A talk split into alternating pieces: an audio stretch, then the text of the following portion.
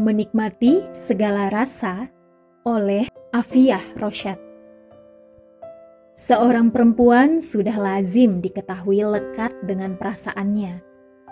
Berbagai ekspresi diproduksi tatkala perasaan seorang perempuan sedang beraksi. Sejatinya perasaan adalah ekspresi dari penampakan naluri-naluri yang ada pada manusia, serta kebutuhan hidup secara mendasar. Sebut saja rasa senang saat mendapat hadiah, sedih saat kehilangan, lapar saat tak makan, kecewa saat tak sesuai harapan, dan seterusnya. Apakah laki-laki tidak mempunyai perasaan? Tentu saja mereka punya.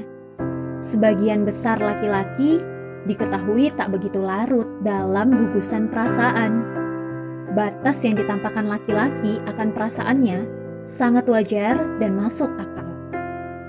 Namun, hal itu berbalik dengan kondisi perempuan. Padahal, perasaan ini tak boleh menjadi acuan dalam seluruh aktivitas kehidupan. Perasaan hanyalah penampakan dari emosi jiwa saja. Sementara aktivitas seorang Muslim, laki-laki ataupun perempuan wajib terikat dengan hukum syara. Sumber hukum syara itu ada empat.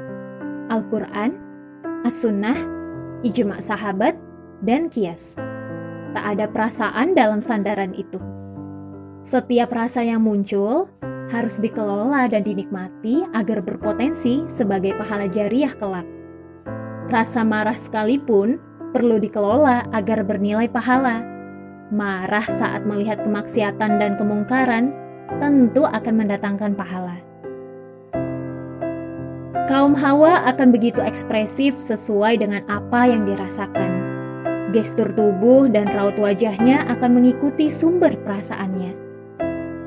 Rasa ingin diistimewakan sering menyembul begitu saja. Terkadang, rasa iri bersemayam dalam hati tatkala ia merasa dinomor duakan. Perasaan marah seorang perempuan begitu mudah meledak ketika sedikit saja jiwanya tersinggung atau tersakiti. Celaan dan hinaan akan semakin mudah membuatnya murka tanpa bisa mengendalikan diri. Goncangan hidup terkadang sampai membawa perempuan dalam ombak stres yang dahsyat. Perempuan memang identik dengan segala ekspresi rasa yang menyatu di jiwa dan akalnya. Maka, tak heran jika perempuan sering dicap sebagai makhluk yang perasa atau sensitif. Terkadang kaum muslimin keliru dalam menikmati rasa. Misal, ketika saudara seakidah Palestina dianiaya, rasa marah dan kasihan datang bersamaan. Namun, rasa kasihan lebih dominan dengan memberikan uluran tangan berupa bantuan dan doa. Padahal, rasa marah layak diberi tempat, yakni dengan mengingatkan Israel agar hengkang dari Palestina atau dengan mengingatkan penguasa Muslim untuk mengirimkan militer ke sana. Kaum Hawa banyak yang hanya bisa meratap dan mengecam tanpa tahu arti sebuah perjuangan. Padahal, jika ia menikmati dan mengelola rasa marah, maka peluru kebaikan berupa amar ma'ruf nahi mungkar akan ditegakkannya dengan penuh perasaan.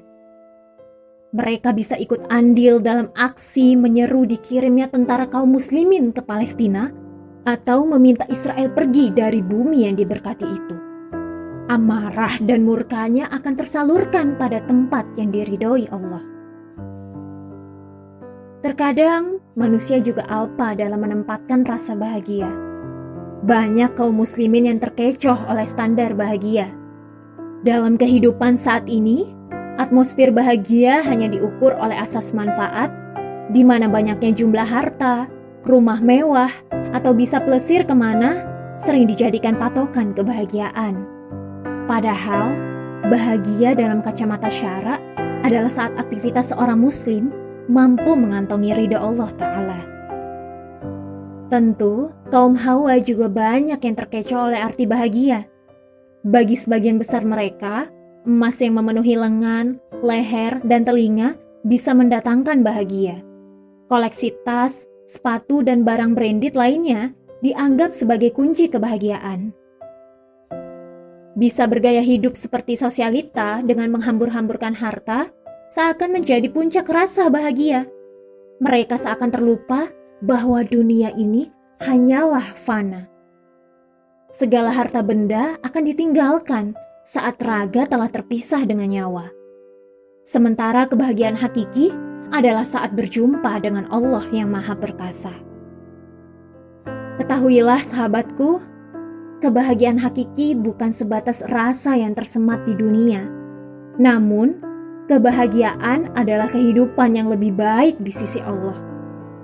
Sebagaimana firman Allah dalam surah An-Nahl ayat 97 yang artinya, Barang siapa yang mengerjakan amal soli, baik laki-laki maupun perempuan dalam keadaan beriman, maka sesungguhnya akan kami berikan kepadanya kehidupan yang baik dan sesungguhnya akan kami beri balasan kepada mereka dengan pahala yang lebih baik dari apa yang telah mereka kerjakan.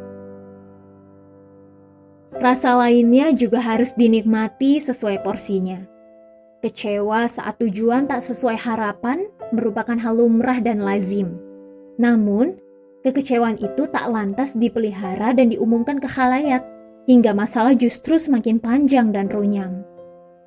Menikmati rasa kecewa ialah dengan ridho atas ketetapan Allah, dengan diikuti muhasabah atau introspeksi, di mana letak kesalahan, dan bagaimana cara perkara yang keliru ketika seseorang larut dalam lautan kekecewaan dengan menggembar-gemborkan kekesalan.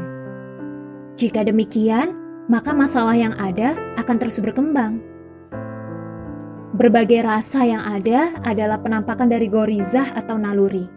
Keridoan ilahi adalah kunci tatkala rasa menerpa baik rasa bahagia, marah, sedih, kecewa, cinta, benci, dan rasa yang lainnya. Jangan sampai menikmati rasa justru terjebak pada rasa itu sendiri, di mana rasa dijadikan sebagai sumber hukum dalam melakukan perbuatan. Nauzubillahi min zalik. Wallahu a'lam bishawab.